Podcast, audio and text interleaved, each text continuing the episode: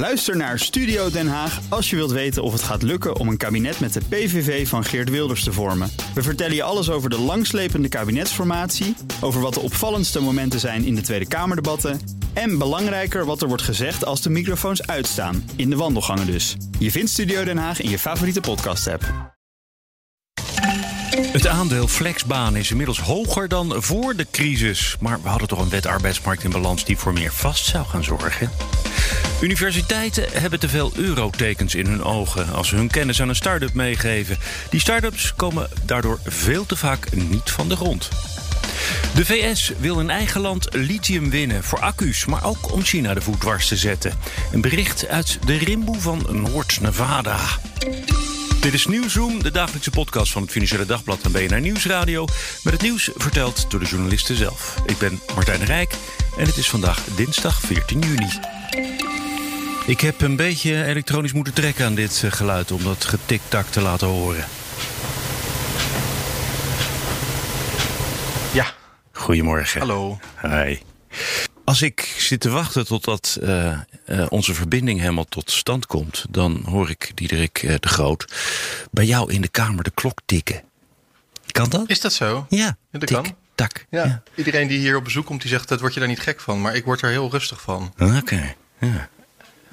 Nee, dus dat blijft lekker hier hangen. Ik vind ja, het wel iets rustieks hebben. Ik word een beetje, krijg een beetje oma-gevoel van, uh, eerlijk gezegd.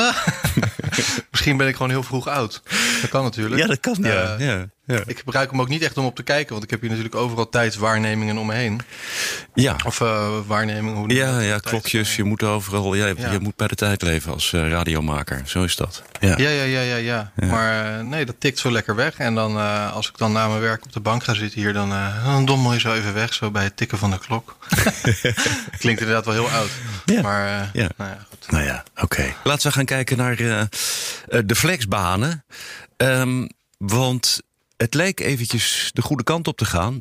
Dat er steeds minder van waren. Maar dat werden er toch weer meer, uh, begrijp ik. Klopt, ja. Vanaf uh, eigenlijk het begin van de coronacrisis heb je een, uh, een paar ontwikkelingen gezien. Eerst zag je, en dat was met name in die eerste lockdown, dat bedrijven hun flexwerkers ja, van zich afstoten eigenlijk. Met name in de horeca natuurlijk, waar je heel veel flexwerkers hebt.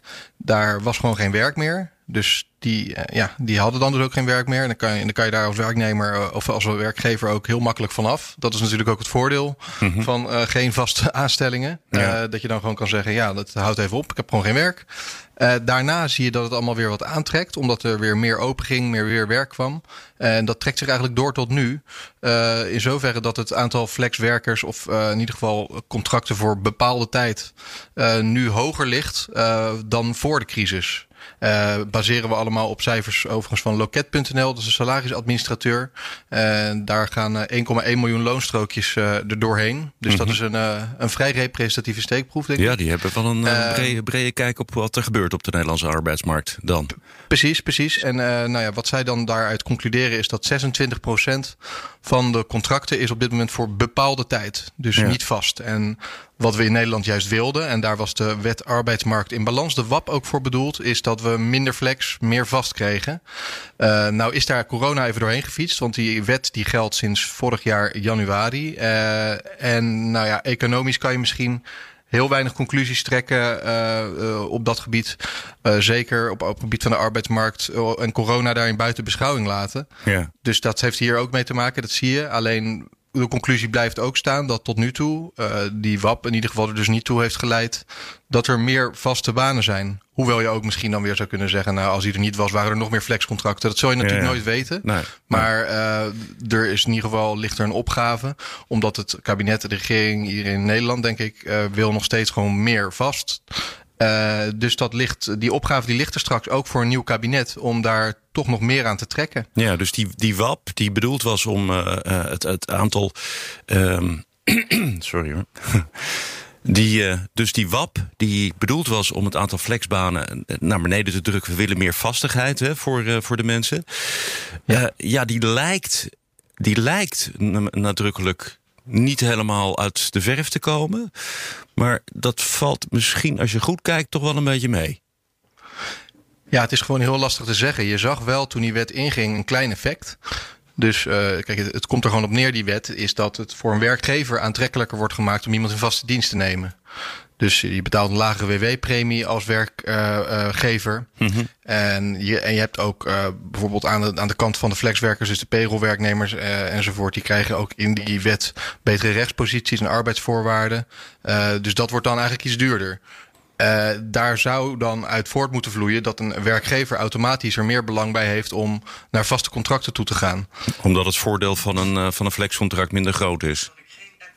Precies. Ja. En dat is Siri, kijk, die gaat gewoon lullen. Oké. Okay. Ja, uh, um, en um, waar was ik nou? Siri, oh ja, Siri, waar waren we? Siri, klote telefoon. Ja. Um, en ja, nou ja, daar is dus dan van de bedoeling inderdaad dat je meer vaste contracten krijgt. Wat je nu wel hoort, uh, en dat is dan met name van uh, bijvoorbeeld een partij als GroenLinks, die nu nog in de oppositie zit. Straks hopen ze in een kabinet. Uh, dat dat toch niet ver genoeg gaat, die wet. Dus dat toch nog in veel gevallen flexwerk voor een werkgever aantrekkelijker is.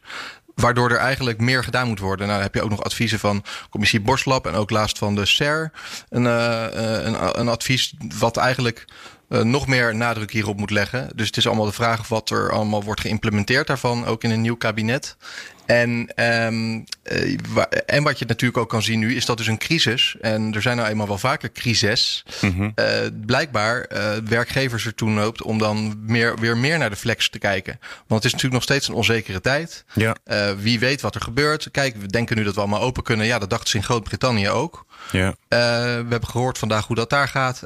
wie, wie, wie weet hoe het hier gaat, dan, dan is het natuurlijk prettiger voor jou als werkgever om in je hoofd te hebben van ik heb gewoon wat flexwerkers waartegen ik kan zeggen: jongens, het werk is op klaar. In plaats van een vaste werknemer waar je er helemaal mee uit moet komen. Uh, dan gaat het je ook nog geld kosten misschien. En dat kan zelfs heel ehm, veel geld uh, kosten. Ja, voor sommige ja. Uh, werkgevers is het te duur om iemand te ontslaan in de partij. Ja, precies. Ja. Precies, en dat zou je bij een flexwerker natuurlijk nog steeds nog niet zo snel hebben. Omdat dat is gewoon, uh, de afspraak is, je, het is gewoon voor een bepaalde tijd werk hier. Uh, en in sommige constructies kan je ook gewoon zeggen, het werk is er niet, dus jij ook even niet. Kan ook zeggen dat uh, vast wat flexer moet, hè? Dat zou ook een uitkomst zijn om de boel wat gelijk te trekken en weer, nou ja, als, als opdracht voor dat nieuwe kabinet zo direct. Ja, nee, natuurlijk. Dat zou in deze periode dan ook uh, een bepaalde uitkomst bieden. Hoewel je daar natuurlijk dan als werknemer misschien weer niet zo blij mee bent. Want nu is een, uh, nee. zoals ik het interpreteer altijd, is een vaste aanstelling. Dan zit je wel lekker uh, secure. Als je niet zelf uh, vreselijk uit de bocht vliegt en je misdraagt of wat dan ook. Waardoor je er op staande voet wordt uitgekegeld. Heb jij gewoon een bepaalde ontslagbescherming. En dat is natuurlijk altijd een heel gevoelig punt in Nederland, hè, om daaraan te tornen aan die ontslagbescherming. Maar het is wel altijd een lopend debat.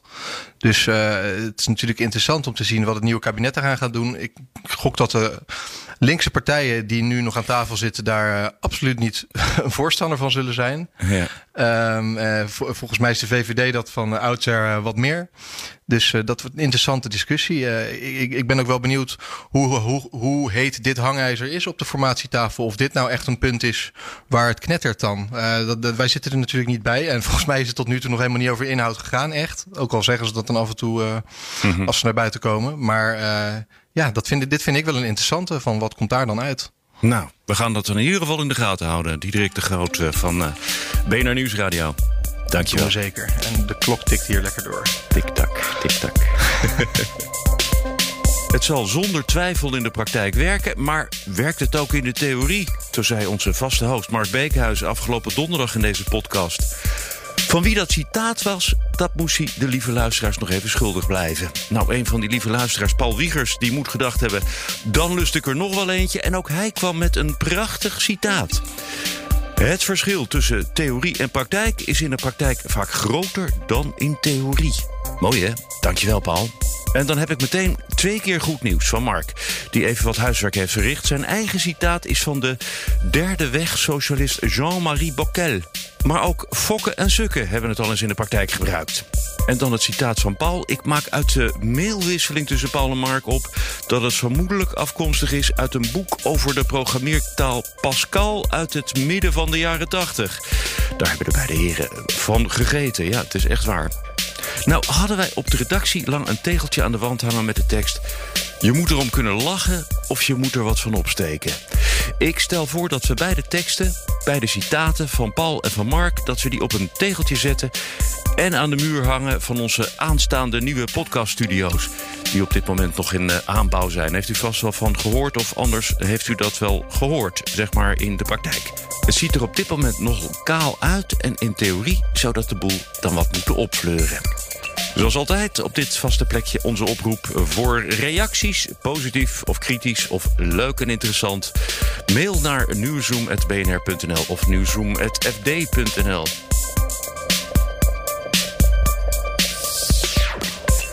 Ik dacht, Hella Huuk, we eens beginnen met de theorie van hoe het zou moeten werken, die kennisoverdracht van, uh, van universiteiten naar de maatschappij. Um, want dat is nog niet zo simpel, hè, geloof ik. Nee, het is niet zo simpel, omdat uh, het is echt een van de drie opdrachten die universiteiten hebben. Dus ze geven onderwijs, ze doen onderzoek en ze moeten aan valorisatie doen, zoals het dan met een moeilijk woord heet. Dus de gelden maken. Die kennis ja. Naar, ja, dat, nou in ieder geval dat die waarde kennis heeft. naar de maatschappij ja. waarde heeft. Ja, precies. Dat is een beter woord. Uh, maar dat laatste gaat dus helemaal niet goed. Gaat in heel Europa niet goed hoor. Want er zijn eigenlijk maar vier eenhoorns in Europa. Dus dat is een bedrijf met, uh, dat meer dan een miljard waard is. Die um, zijn oorsprong heeft uh, uit een universiteit. Mm -hmm. Uh, en daar zit geen Nederlands bedrijf bij. Dus het lukt uh, Nederlandse universiteiten heel slecht om succesvolle high-tech bedrijven voor te brengen. Dat is eigenlijk de kern van een conclusie die de Adviesraad voor Wetenschap, Technologie en Innovatie heeft gedaan. Mm -hmm. en waar dus nu wat aan moet gebeuren. Ja, en een van die manieren waarop het beter had moeten worden, of in ieder geval wat in gang gezet was om, om dit voor elkaar te krijgen, dat is dat universiteiten start-ups die voortkomen uit hun eigen kennis op weg zouden moeten helpen.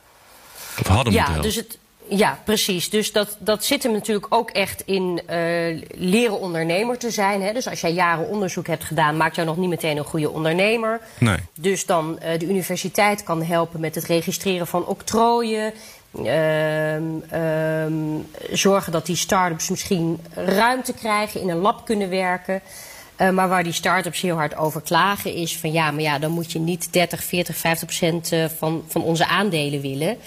Want dan stapt er eigenlijk geen investeerder meer in en dan worden we eigenlijk ja, nou, gewurgd. Dan komen we niet verder. Komt het daarop neer? Uh, daar komt het eigenlijk uh, voor een deel wel op neer. Ja, je kan ook zeggen dat het, het duurt heel lang voordat een kennisintensieve start-up echt uitgroeit tot een bedrijf. Dus dat zeggen die universiteiten natuurlijk ook een beetje als weerwoord. Van ja, weet je, dat duurt misschien wel 10, 15 jaar. Dus uh, oordeel nou niet te snel. Maar wat Jan-Fred van Wijnen en mij echt wel is opgevallen toen we onderzoek hiernaar deden, is dat de universiteiten eigenlijk helemaal geen inzicht geven in um, wat dit nou allemaal oplevert.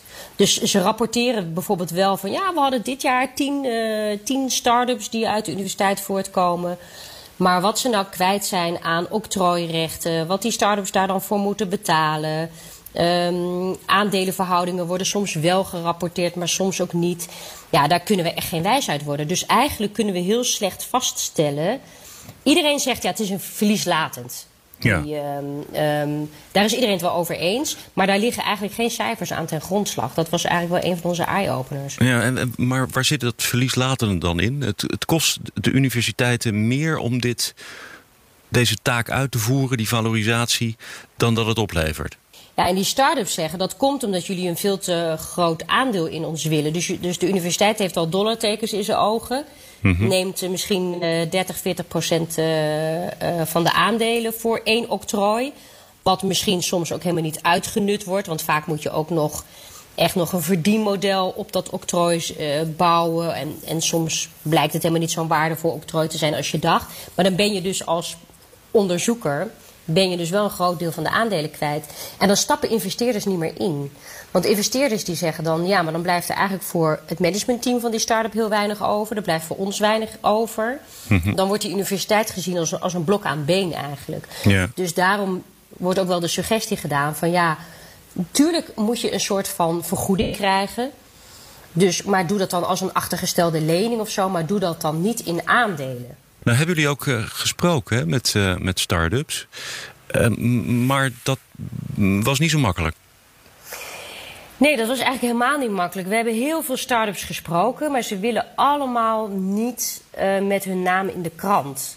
En dat, dat maakte het heel moeilijk om dit verhaal te maken. Dus we hebben nu wel twee mensen gesproken die. Uh, uh, die inmiddels niks meer te verliezen hebben, hè? daar komt het een beetje op neer. Ja, ja precies. en die ook echt wel, daar baalden wij zelf ook een beetje van. Die, die, uh, hun verhalen zijn uit 2008, 2010. Dat is natuurlijk best wel lang geleden. Mm -hmm. Maar we hadden zoiets van: we schrijven dit wel op. Want het, het, het is wel wat wij van andere start-ups nu ook horen. Alleen die hebben zoiets van: ja, maar we zijn heel erg afhankelijk van die universiteit. En we komen elkaar allemaal nog tegen. Dus er is een beetje angstcultuur wel eigenlijk hier, over dit onderwerp. Hmm. Best wel ingewikkeld, hè? Dan eh, ben je dus een start-up. Dan krijg je van uh, de, de universiteit een, uh, een molensteen om je nek. En ga maar fijn aan, aan de slag. En als je het verkeerd doet, dan moet je nog bang voor ons zijn ook. Dat lijkt me niet helemaal het, het klimaat waaronder je fijn, fijn start-ups op weg helpt. Nee, en daarom heeft ook het kabinet een paar weken geleden gezegd... naar aanleiding van dat onderzoek van de AWTI... die dus heeft gezegd van... hé hey, jongens, er komen dus veel te weinig uh, echt grote kennisintensieve start-ups uit de universiteiten. Eén van die onderdelen is daarvan uh, uh, een te groot aandeel in die start-ups. Dat moet veranderen. Het kabinet heeft gezegd, wij willen nu ook wel met de universiteiten daarover praten. Dus het onderwerp is wel geland ondertussen bij de universiteiten. Maar wat ze nu gaan doen, dat, uh, ja, dat wilden ze ons helaas nog niet vertellen. Nee, en daar is over wel uh, onderling over gesproken, hè, begrijp ik. Ja, vooral de vier technische universiteiten staan. Want daar speelt het het meeste. Hè. Die hebben ja. natuurlijk. Uh, kijk, als jij een hele grote rechtenfaculteit hebt en een socia social, filosofie, weet ik veel wat, heb je gewoon minder octrooien. Dus het speelt vooral bij de technische universiteiten. En uh, die, uh, die hadden vorige week onderling overleg. En dan belden ze natuurlijk van, nou, vertel, wat, wat ga je nu doen? Maar uh, daar wilden ze nog geen toelichting op geven. Hoe belangrijk is het uiteindelijk voor, voor ons, voor, voor Nederland? Dat het in Europa zo slecht lukt en dus in Nederland ook zo slecht lukt, ja, dat betekent gewoon dat er heel veel kennis op de plank uh, blijft liggen. Hè? Dus van de eigen patenten van universiteiten blijft 78% ongebruikt op de plank liggen. 78, nou, dat betekent, wow. ja, ja, dus of er wordt onzinnig onderzoek gedaan, dat kan ja, ook nog. Ja, precies. Of we weten het dus niet, of we weten er dus geen waarde uit te halen. Dat is aan alle kanten geen, geen goede besteding dan van ons belastinggeld. Zijn er uh, andere landen waar dit beter werkt? Ja, nou, er wordt heel vaak gewezen natuurlijk naar Amerika, waar die markt veel volwassener is. Hè. MIT wordt altijd uh, geroemd daarover. Um, maar ook daar zeggen uh, de mensen die dan bij dat valorisatie-office uh, werken, zeg maar, die zeggen ook van je moet er niet zo in zitten dat je miljoenen wil verdienen aan een start-up. Je bent geen investeerder. Dus wees dan ook bescheiden in je doelstellingen erin. Het, het moet erom gaan dat die kennis naar de samenleving gaat. En niet dat jij er als universiteit heel rijk van wordt. En dus, dus ook een MIT, ook in Amerika, worstelen universiteiten met het echt te gelden maken. Maar ze zijn daar veel verder. Het is daar veel normaler dat een professor gewoon een, uh, ook een aandeel heeft in een start-up. Uh, bedrijven weten de universiteit makkelijker te vinden. Er zit natuurlijk ook weer een andere kant aan. Hè, dat dus alles naar grote multinationals gaat. Of, hè, daar, daar kan je natuurlijk ook weer dingen van vinden. Maar in Amerika lukt het wel beter om die kennis sneller naar de markt te krijgen. Het is niet per se zo dat Amerikaanse universiteiten daar uh, echt uh, vet aan verdienen. Zeker niet. Helle Huk, collega van het Financiële Dagblad. Dankjewel. Graag gedaan.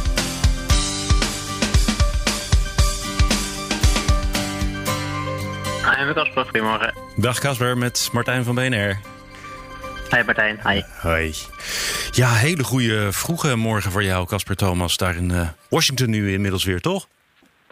Ja, zeker. Dat, uh, daar zit ik nu weer. Dus dat uh, dit is zeker, zeker aan de vroege kant. Maar de, no nooit een probleem om, om even te komen vertellen over wat er helemaal aan de VS te beleven valt. Je hebt een mooie reis achter de rug, begrijp ik. Naar Nevada.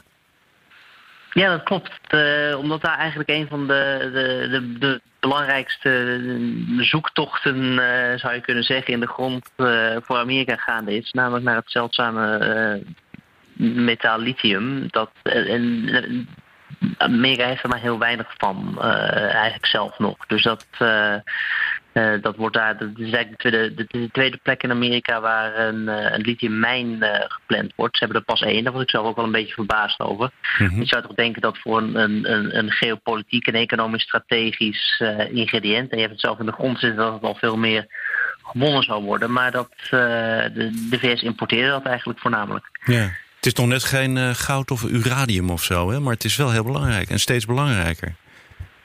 Ja, dat klopt. Omdat het, uh, het, gaat eigenlijk in, in, in het paradepaadje voor troetelproject van uh, Joe Biden. Uh, nou, de accu van de elektrische auto. dus Tesla die zal er ook alles van weten.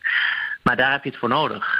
voor batterij, überhaupt de lithiumbatterij. Dat, is, dat zullen de meeste mensen wel begrijpen. Die zit in je smartphone. maar dus ook in die, in die accu van de elektrische auto. En dat is het, het, grote ding waar Biden ook over heeft ingezet om de, de duurzame revolutie in Amerika, waarop hij hoopt uh, om die enigszins dichterbij te brengen. Iedereen aan de elektrische auto. En, maar goed, daar heb je dus heel veel lithium voor nodig. En uh, dat gaat nu nog in hele lange ketens de wereld over. Het wordt gewonnen in Australië, verwerkt in China. Vervolgens mm-hmm. weer op een andere plaats in een batterij gestopt. En, en, en de VS heeft eigenlijk gebracht, ja, we zijn, we zijn kwetsbaar. Dat heeft corona ook duidelijk gemaakt. Uh, die, die, die verscheepketens die kwamen ineens zeer onder druk te staan in die, in die tijd. Um, plus we hebben gewoon heel veel ervan uh, nodig. Dus we zijn echt gaan kijken, goh, wat hebben we hier nou zelf in de grond zitten? Ja. En dan moet je bedenken dat dat voornamelijk op plekken zit. Dat, is, dat heb ik geleerd daar. Um, dat, die zijn afgezet door, vulkanisch, uh, door, door, vulkanische activiteit. En het, het, Nevada is een, is een leeg en ruig uh, berglandschap, zou je kunnen zeggen. Met name het noorden van de staat. Mm -hmm. woestijn. Uh, en en, en daar zie, zit dat in de grond. Ik zie van die tumbleweeds voor me, nou ja, door de wind voortgebaaid worden. Zeker. Het is eigenlijk een van de, van, van, van, van de vele reportages die ik heb gemaakt hier in, in Amerika. Ik heb hier ja. echt het, het, het langst moeten vliegen en rijden om uiteindelijk op de plek van, uh, van bestemming te komen. Zo afgelegen was het. Uh, dat, echt, het was, dat, nou ja, daar is nou de, de uitdrukking middle of nowhere voor bedacht, denk ik. Maar het is niet helemaal de middle of nowhere, want de, de, de, er wonen natuurlijk mensen, ja. En die mensen, dat zijn indianen. Uh, voor, voor, voor een deel. Uh, de, dus er zit, een, zit uit een Native American tribe uh, vlak, bij die, vlak bij die mijn, de Paiute Shoshone, die daar al, al heel lang wonen. En die zitten nu, hun, hun woongebied is, is gereduceerd tot een, tot een vrij klein reservaat inmiddels. Mm -hmm. maar er wonen ook boeren, er wonen mensen die er, die er überhaupt gewoon normaal wonen, om het zo maar te zeggen, die niet per se in de landbouw zitten. Er is al heel veel mijnbouw in Nevada, dat moet je ook niet vergeten. Dat noemde net al goud. Het is nog net geen goud. Er, mm -hmm. zit ook heel veel goud, wordt ook goud gewonnen in Nevada. Um, dus, dus iedereen die op een of andere manier uh, in de buurt van die mijn woont of daar in de omgeving mee te maken heeft, ja, die, die, die ziet er toch wel enigszins met zorgen aan. Uh, het is een heel mooi stuk natuur uh, dat straks ontgonnen wordt. De boeren vrezen voor de waterstand. Ja. de Native Americans die vrezen voor aantasting van het landschap. Maar, maar, maar is, voor... die, is die lithiumwinning, is dat nou zeg maar de vreselijkste vorm van, van dagbouw waarbij het hele landschap overhoop gehaald wordt en waarbij je nou ja, ook zichtbaar diepe wonden slaat in dat landschap? Of, of, hoe ziet het eruit? Nou, dat, dat, valt er, dat, valt, dat valt dus wel mee, heb ik me laten vertellen. Specifiek ook in dit geval. Het, het, je moet het niet voorstellen dat dat een, dat dat een gigantisch open gat wordt van, van, van honderden meters lang en breed. De manier waarop ze deze lithium gaan winnen, het, het voordeel is dat hij in relatief zachte grond zit. Dus dat betekent je kunt opscheppen, uitspoelen. En eigenlijk achter je weer terug uh, kunt doen. Dus je hebt een soort verplaatsend gat, zou je kunnen zeggen. Ja. Uh, dat is op zijn, op zijn hoogte, op het hoogtepunt is dat constant zo'n 7 meter uh, groot. Laten we doen met de diameter, denk ik. Moet, ik weet, moet, dat is volgens mij ongeveer de afmeting, zoals me dat te verstaan gegeven. Dat, moet wel over, dat, dat is wel overzichtelijk, ja. ja. Ja, precies. En dat gaat wel stapje voor stapje, dus dat, dat trekt een spoor. Uh, maar dit, de, ik heb een, een, een chemicus gesproken die, die veel die, die zei, ik ben mijn hele leven lang heb ik me verzet tegen mijnbouw in Nevada, omdat ik het zo verschrikkelijk vind dat het het landschap zo aantast en dat het, zo vervuilend is en dat het zoveel water verbruikt. En hij zei, dit is eigenlijk de meest onschuldige vorm van, van mijnbouw die ik ooit heb tegengekomen, ben tegengekomen. En als je dat dan vervolgens afzet tegen uh, wat hiermee te winnen valt. Behalve het lithium zelf, wat er dus mee te winnen valt, is een cruciaal ingrediënt in de verduurzaming van Amerika. Een manier om van uh, kolen en gas, uh, van, van, van kolen en, en benzine af te komen.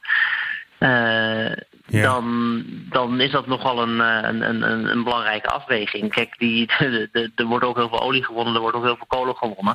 Ziet er ook niet leuk uit. Een, nee.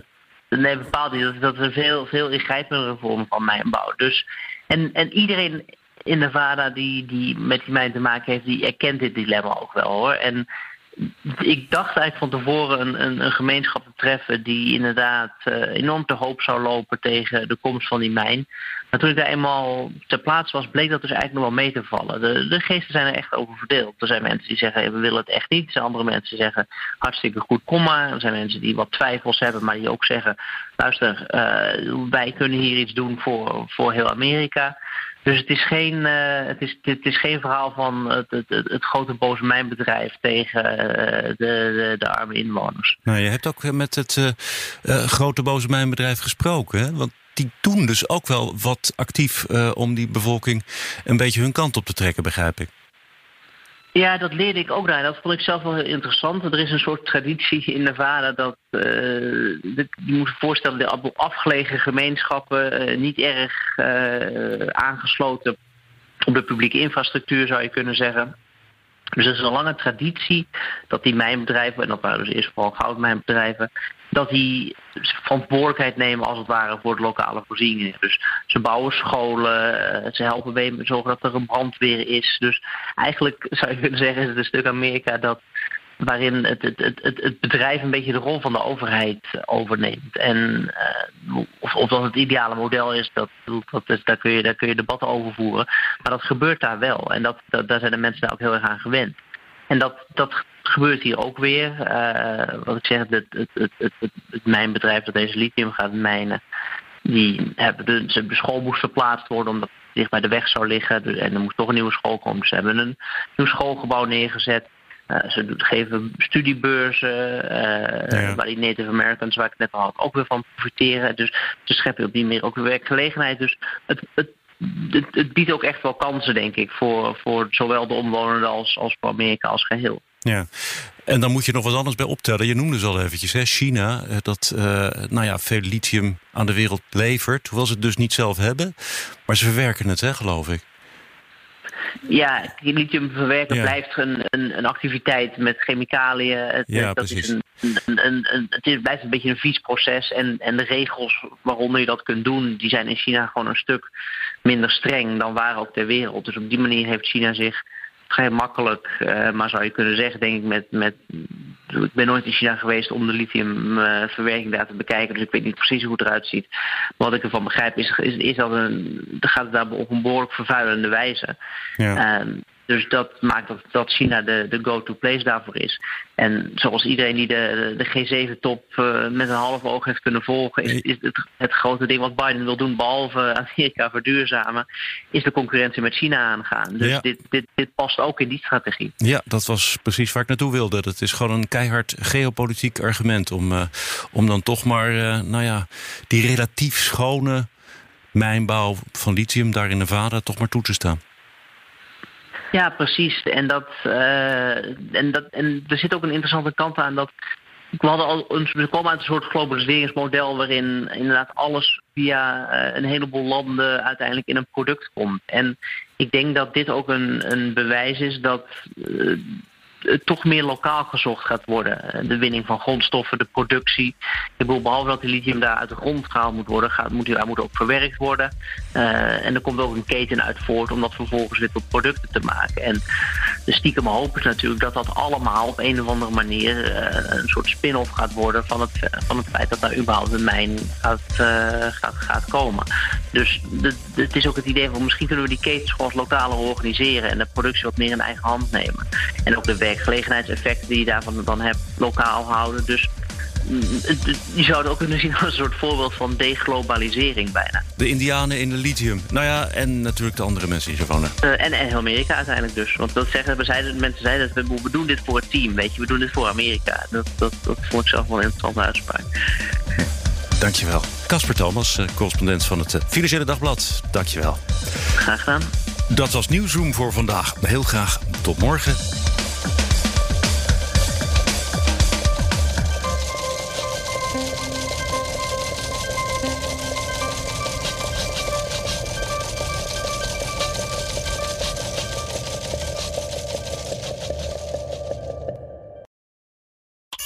Thomas van Zeil vind je in de BNR-app. Je kunt live naar mij luisteren in Zaken doen. De BNR-app met breaking news, het laatste zakelijke nieuws... en je vindt er alle BNR-podcasts, bijvoorbeeld Het Nieuwe Geld. Download nu de gratis BNR-app en blijf scherp.